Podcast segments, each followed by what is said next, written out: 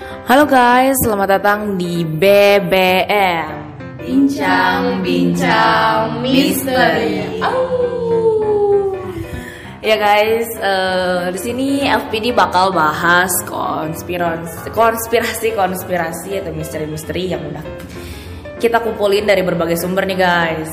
Nah, jadi kita itu udah nerima banyak requestan dari teman-teman kita tentang teori-teori konspirasi gitu. Nah, kita tuh kali ini akan membahas tentang Amerika. Siapa sih yang nggak tahu Amerika? Gila, Udah Amerika. tahu kan pasti. Iya, pasti tahu nggak mungkin. Musik-musiknya apalagi. Oh my god. Jadi Amerika itu salah satu negara maju, negara serikat yang memiliki banyak negara bagian. Udah pasti dong.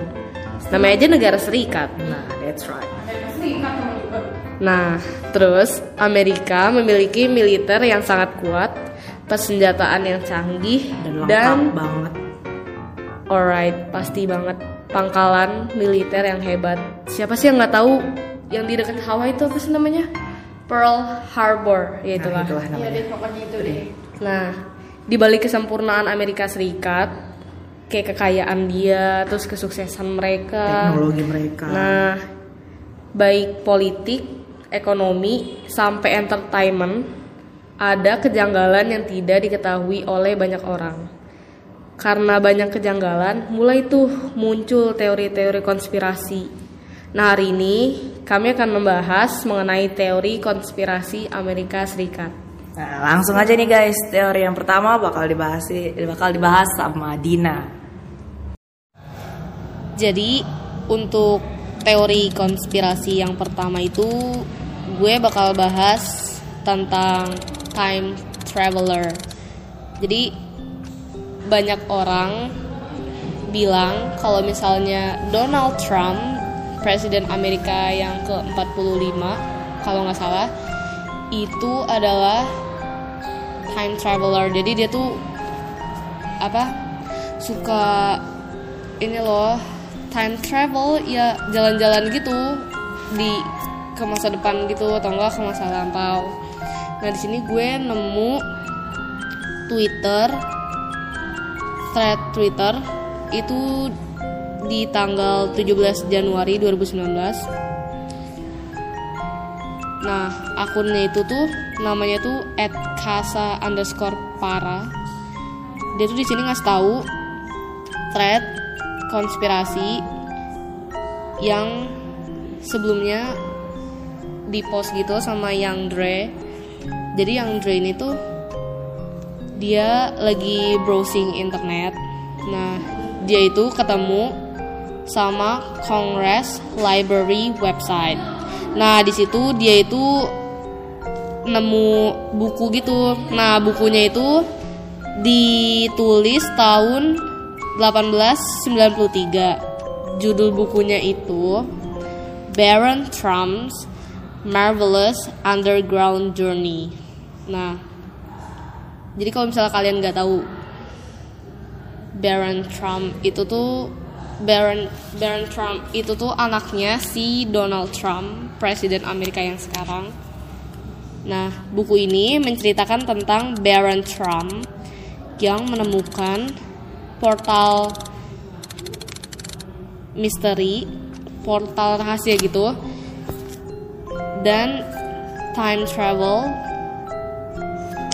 untuk pergi ke masa lampau dan masa depan gitu.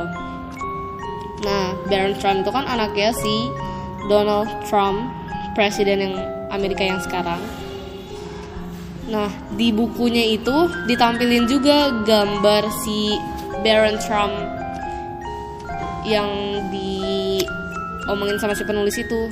Tapi wajahnya si Baron Trump yang di yang ditulis di buku itu sama sama Baron Trump anaknya Donald Trump. Kayak mungkin yang di buku itu emang versi lama.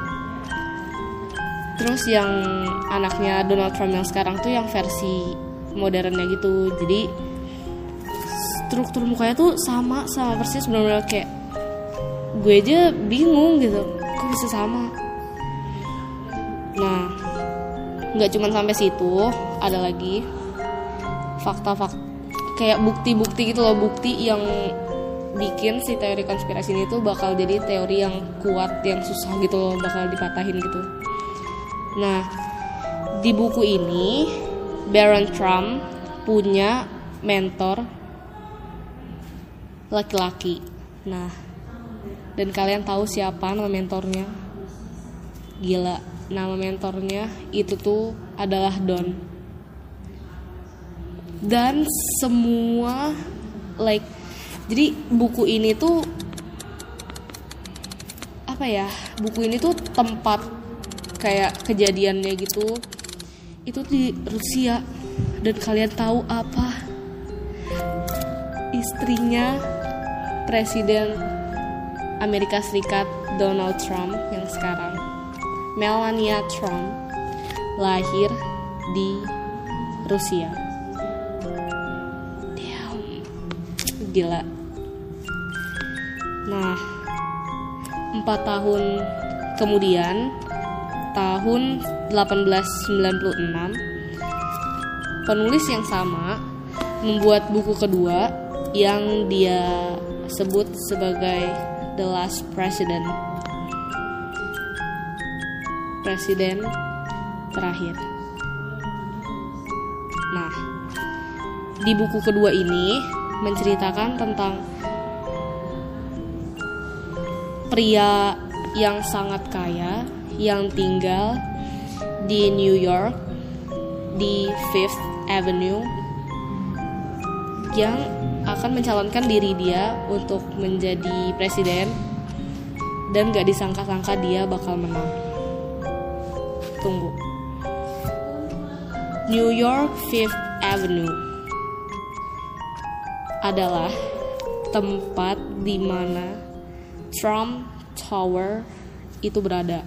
Trump bagi kalian yang nggak tahu Trump Tower itu itu tuh menaranya Presiden Donald Trump yang ada di Amerika Serikat. Dan itu lokasinya sama banget sama yang ditulis sama di buku. Gila. Di dalam buku itu dia menang. Dan dia tuh bikin semua orang kayak terkejut gitu. Terus people tuh orang-orang tuh jadi rusuh kayak protes. Apa sih kenapa dia bisa menang gitu? Kenapa? Padahal banyak yang nggak milih dia mungkin. Nah terus dia juga menandatangani or apa executive order gitu nah ingat buku ini ditulis 124 tahun yang lalu. Tapi setelah dia kayak gitu tuh, setelah dia menang, dia pasti nggak nggak pasti sih dia milih orang-orang untuk kabinet dia dan tebak siapa yang dia pilih. di buku di buku ini ini masih di buku ini. Di buku ini si presiden the last president ini dia milih orang untuk kabinet dia kan. Nah nama yang dia pilih itu Pence. Nama belakangnya tuh Pence. Pence Pence Pence itulah Pence dan kalian tahu siapa wakil presiden Amerika Serikat Mike Pence. Yap. Udah mulai gila, udah mulai gila. Tahan, masih ada lagi. Nah.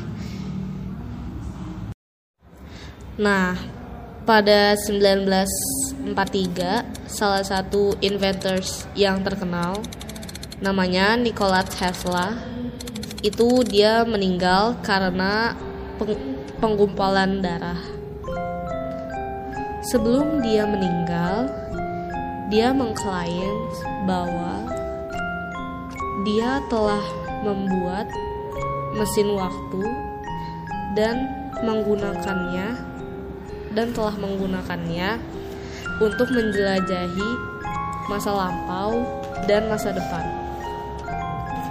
Nah, setelah dia meninggal, pemerintah Amerika Serikat mengambil semua properti dia kayak semua hasil kerja dia gitu.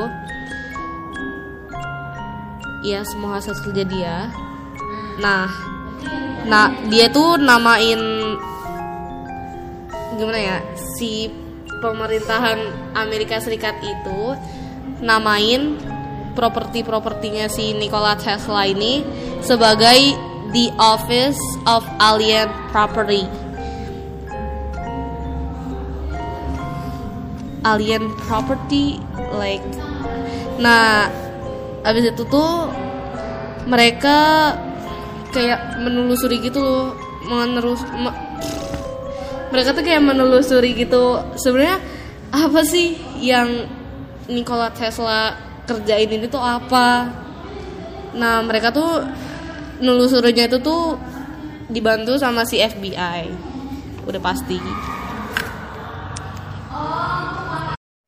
Nah di sini mm, kita tuh nah di salah salah. Di sini tuh yang Dre yang yang di post sama si Cassandra ya itu di twitternya. Itu tuh dia nges cari di Google the Office of Alien Property. Nah dia dapet tuh the Office of Alien Property. Custodian was an office within the government of the United States during World War One and again during World War II, serving as a custodian of enemy property to property that belongs to us to US enemies. Nah jadi tuh property alien ini tuh beneran ada gitu si pemerintahan Amerika Serikat itu tuh bener-bener nyita si properti ini properti milik si Nikola Tesla. Nah, setelah mereka meneliti sendiri gitu, mereka mereka mm, menyewa engineer dari luar, kayak teknisi dari luar gitu, untuk mengetahui kayak gimana ya, mengerti apa yang dikerjain sama si Nikola Tesla ini. Dan tebak siapa yang ada di balik si engineering outside ini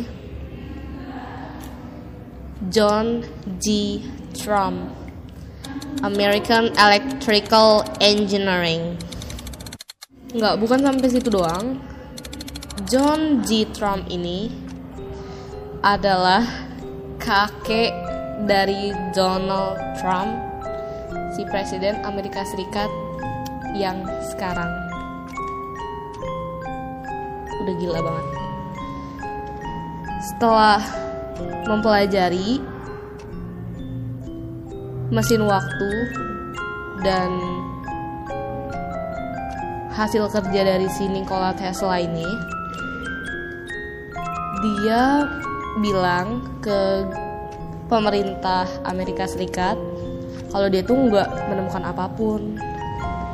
Bisa aja dia bohong untuk menyimpan semua informasi yang dia yang telah dia temukan dari temuannya si Nikola Tesla ini untuk dirinya sendiri.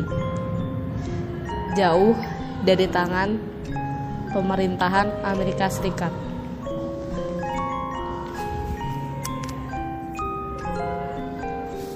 Nah, fakta menarik.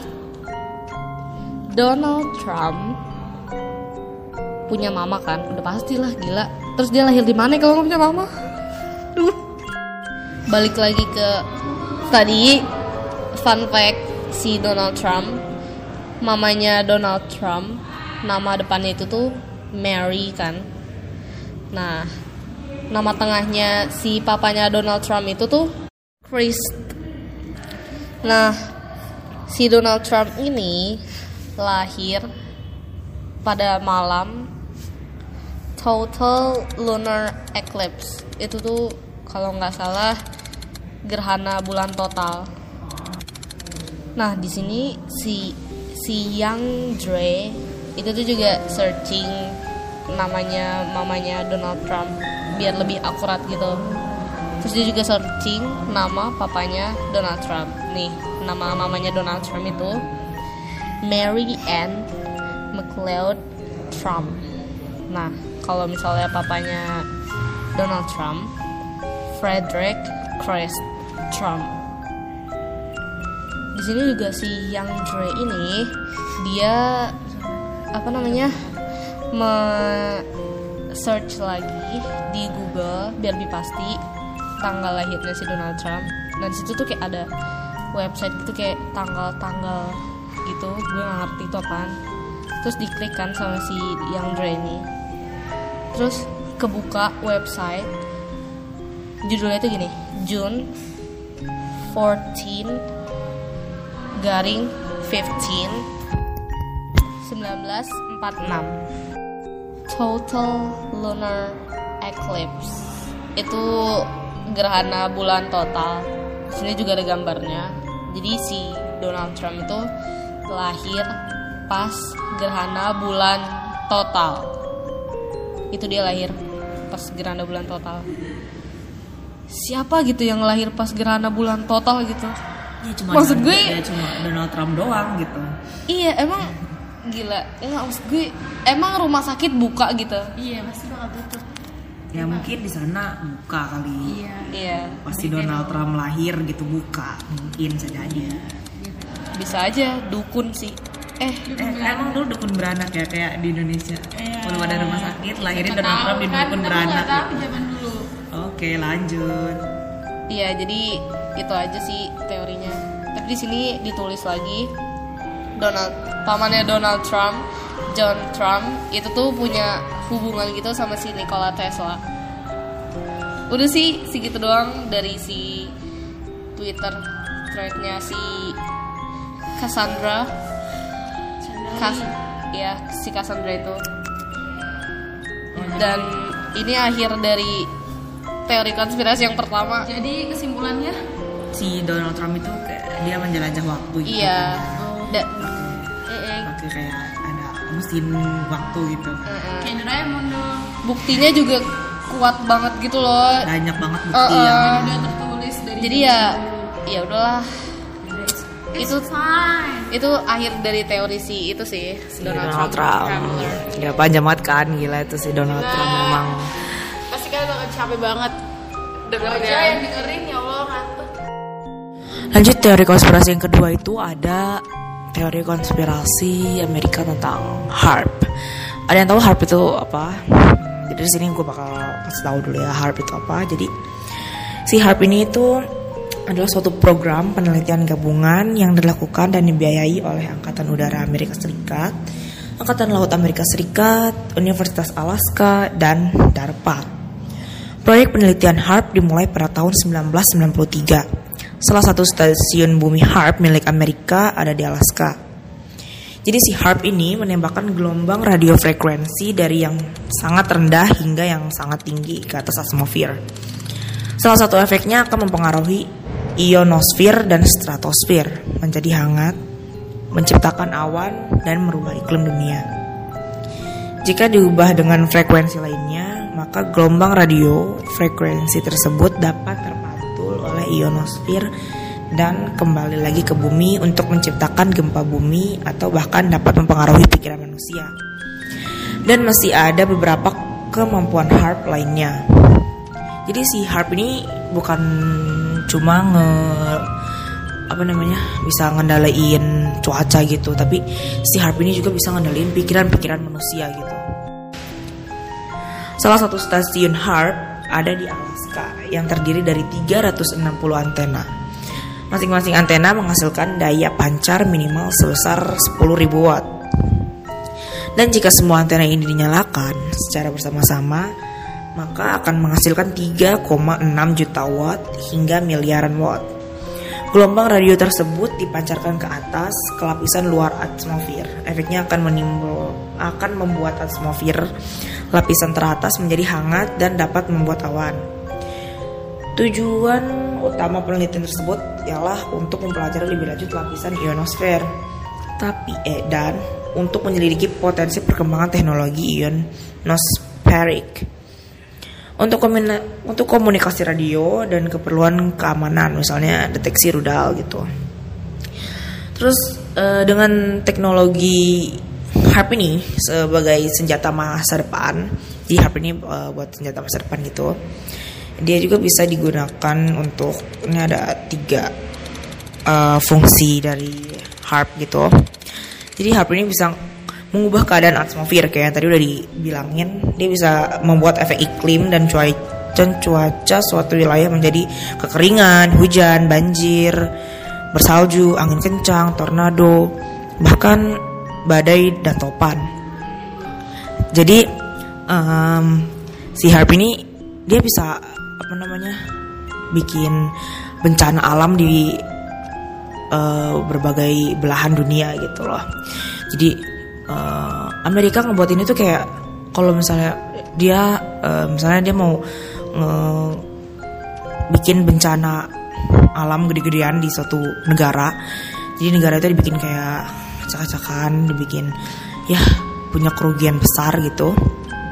Jadi otomatis nanti mata uang negara itu bakal turun kan. Nah, nanti dolar otomatis bakal naik. Nah, itu yang menguntungkan Amerika. Makanya si Amerika ini bikin si harp ini gitu. Jadi dia tinggal nunjuk aja gitu dia mau em, mau menunjuk negara mana yang bakal dia iniin apa namanya hancurin gitu. Dia bikin bencana alam gitu, tinggal tunjuk negaranya, terus tinggal bilang mau bencana alam kayak gimana gitu. Jahat banget kan. Terus bisa mem- membuat gempa bumi. Nah, kan udah dibilangin juga. Ya, dia membuat efek suatu wilayah menjadi diguncang gempa bumi dan efek gempa bisa membuat tsunami. Tuh kan jadi otomatis em, kayak itu dong ya. Jadi biar pada ya meninggal gitu yang ininya pada biar ya negara yang dia ini tuh mengalami kerugian banyak gitu. Terus yang ketiga itu ada mempengaruhi pemikiran dan perilaku manusia di suatu daerah, wilayah, bangsa ataupun negara, kan? Mereka bisa menjadi brutal, kasar, pembunuh dan psikopat alias gila.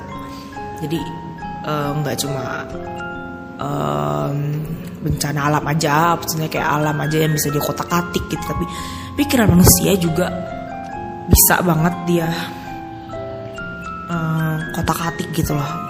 Jadi orang yang tadinya biasa aja bisa jadi gila gitu.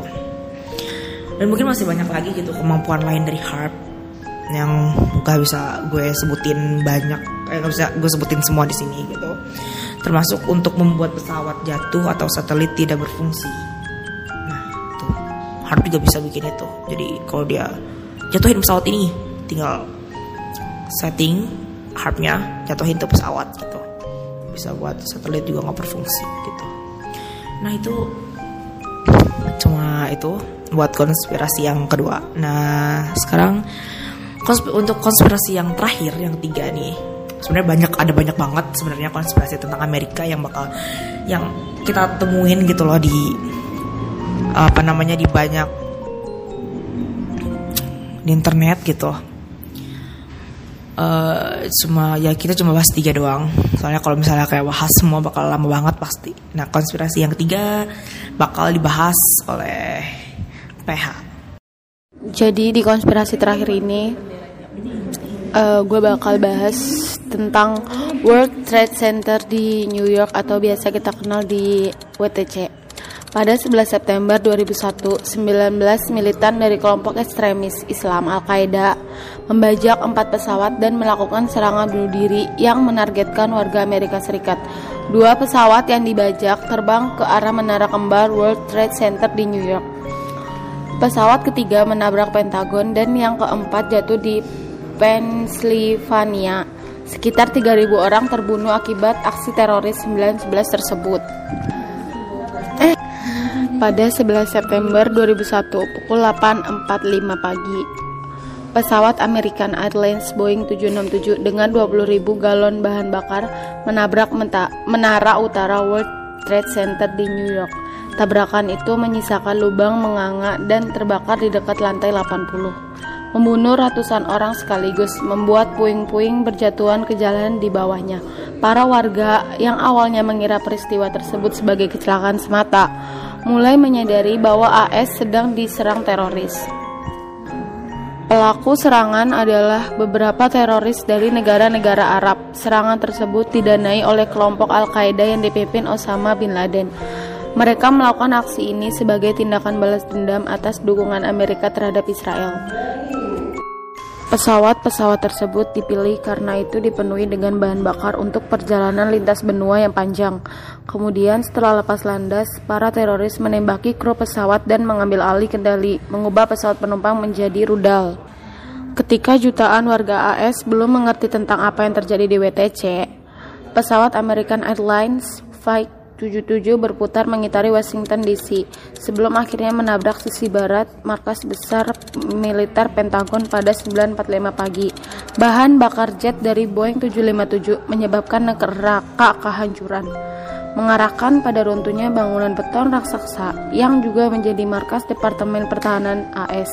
Ada sekitar 125 personel militer dan warga sipil yang terbunuh di Pentagon akibat serangan tersebut. Sementara korban tewas dari pesawat mencapai 64 orang. Kurang dari 15 menit kurang dari 15 menit setelah peserangan Pentagon horor di New York kembali terjadi. Menara selatan WTC yang sebelumnya diterabrak pesawat runtuh dan tumbang ke permukaan tanah, menciptakan awan debu raksasa pukul 10.30 pagi.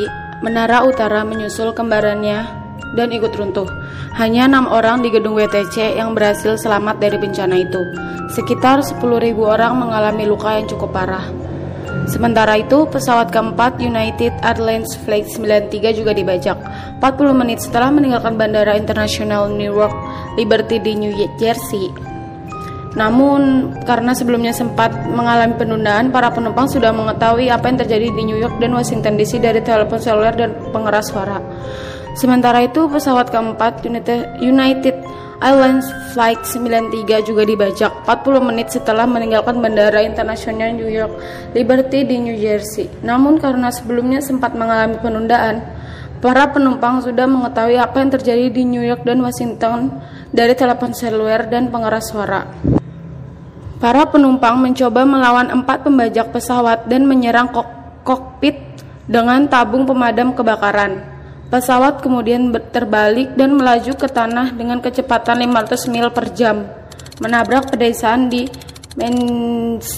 Pennsylvania Barat pada pukul 10.10 .10 pagi. Sekitar 44 orang yang berada di dalam pesawat tewas dalam peristiwa tersebut. Tujuan utama teroris di Flight 93 tidak diketahui, namun beberapa teori menyatakan bahwa target utama mereka kemungkinan adalah White House, Camp David, di Maryland atau salah satu pembangkit listrik tenaga nuklir di sepanjang pesisir timur. Korban jiwa sebanyak 2.996 orang terbunuh pada serangan 911, termasuk 19 teroris yang membajak 4 pesawat di WTC. 2.763 orang tewas setelah dua pesawat menabrak jadi si WTC ini sebenarnya runtuh bukan gara-gara si ditabrak si pesawat itu ya kan? Iya, ya, bukan. Jadi tadinya tuh pesawat ini tuh sebenarnya dibuat kayak ngangkut penumpang gitu. Terus ternyata di dalam pesawat ini tuh ada teroris. Nah, terus dia ngambil alih ke bagian pilotnya. Terus pilotnya kayak dibunuh. Eh, nggak dibunuh sih, kayak disekap gitu. Terus diambil alih sama terorisnya eh dijadiin rudal buat nyerang menara ini gitu. Tapi tapi gue kayak gimana ya? Maksud gue nggak mungkin sih. Maksudnya teroris gitu. Itu sih kalau menurut gue kayak akal-akalan si pemerintah. Dari kayaknya udah ditaruh di bom di dalam gedungnya gitu. Iya. jadi soalnya jatuhnya tuh kan ke bawah gitu kan.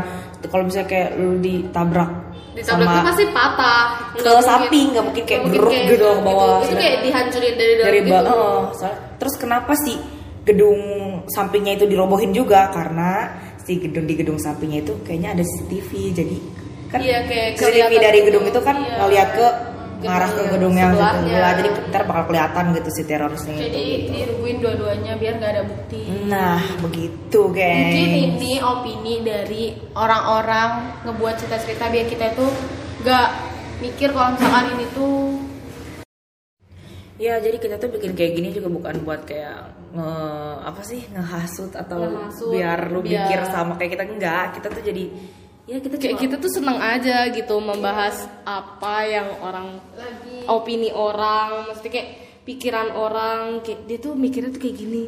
Terus orang lain tuh mikirnya kayak gini. Terus kita tuh seneng aja gitu menyatukan pikiran mereka gitu. Terus kita juga seneng juga buat tetap uh, uh, buat tentang misteri-misteri baca ya bahas-bahas misteri-misteri yang kayak gini ya nggak sih? Ya. nggak cuman apa ya maksudnya ya nggak buat lu mikir kayak misalnya oh ternyata itu kayak gini aslinya nggak kayak gitu. Itu tuh cuman kayak ini tuh opini doang.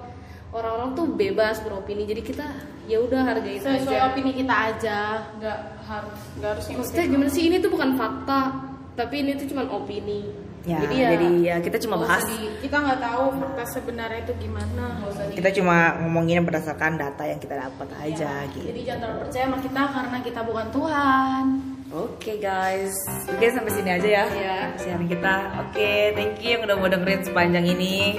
Udah betah banget dengerinnya. Ah, aku rasa kalian pasti bosan mendengarkan kita Oke, FPD pamit. Bye. bye